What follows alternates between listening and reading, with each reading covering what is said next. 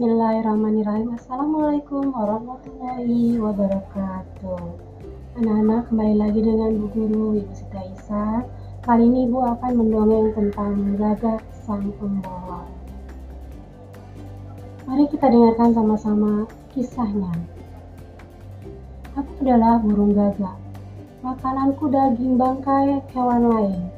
Bulu dan paruhku berwarna hitam Suaraku berkuak membuat merinding siapa pun yang mendengarkannya. Walaupun aku makan daging, tapi aku juga suka menyantap telur burung lain. Ini adalah sepenggal kisahku. Di pagi cerah, empat burung pipit sedang bercanda petuka keraban. Beberapa saat kemudian, pandangan mereka tertuju ke arah dahan yang lebih tinggi. Di atasnya, Seekor burung bertengger memandang mereka. Ia layaknya seorang raja yang bijaksana. Warna hitam yang membalut tubuhnya semakin membuatnya tampak berwibawa. Hai burung kecil yang lucu, aku adalah burung yang sedang tersesat. Aku meninggalkan wilayahku karena di sana banyak pemburu yang mengincar kami. Bolehkah untuk beberapa hari ini aku tinggal bersama kalian, aku akan menjadi sahabat terbaik dan siap membantu kalian. Tentu, teriak burung kenyang. Burung pipit senang. Dia langsung mengutarakan masalah yang sering menimpa mereka. Tampaknya mereka sangat percaya kepada gagak yang siap membantu. Kami sedih sekali. Setiap kali kami mencari makan, Telur-telur kami selalu dicuri oleh ular, ungkap Pipit. Gaga mendengarkan dengan penuh seksama, sambil ia berpikir untuk melaksanakan niatnya. Baiklah, serah saja urusanmu kepadaku. Silakan cari makan dan aku akan menjaga telur-telurmu untuk dicuri tidak akan dicuri lagi. Dasar burung ceroboh, mereka sama sekali tidak berhati-hati. Padahal aku baru saja dikenalnya. Sekarang Saatnya akan aku menikmati telur-telur ini. Hmm, lezat sekali telur ini. Gaga merasa lapar, Gaga merasa lapar lagi. Tanpa keraguan, hmm, telur-telur itu disantapnya. Saking lahapnya, tidak mem memperdulikan sekitarnya. Tanpa disadari, seekor cicak mengawasi perbuatannya. Hari mulai sore, saatnya burung-burung pipit beristirahat dan kembali ke sarang. Apa yang terjadi ketika mereka tiba? Pipit sungguh terkejut dengan apa yang dilihatnya. Telur-telurnya pecah berserakan. Siapakah pelakunya?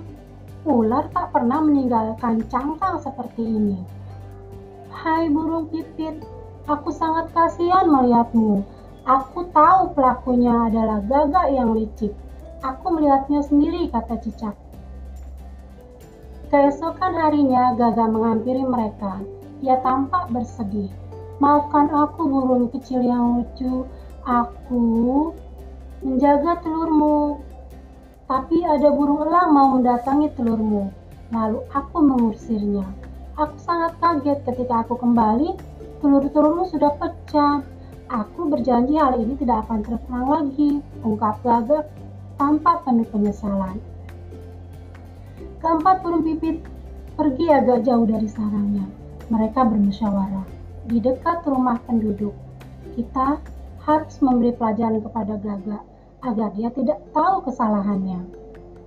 Oke, kita bagi tugas. Ada yang menyiapkan tempat, ada yang mematut dahan pohon nangka agar getahnya keluar. Ayo, kumpulkan getah sebanyak-banyaknya.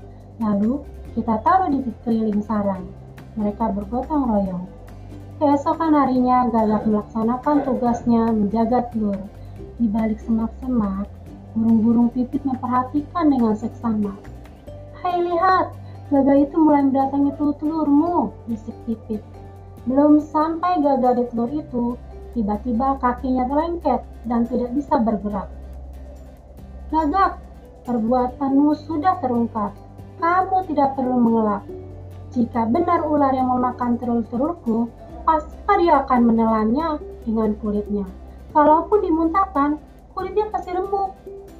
Cicak juga menjadi saksi atas perbuatan perbuatanmu yang tidak terpuji itu, kata burung pipit.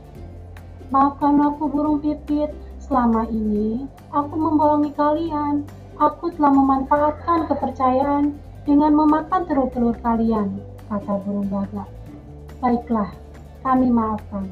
Tapi kau harus berjanji tidak mengulangi perbuatanmu lagi, kata burung pipit.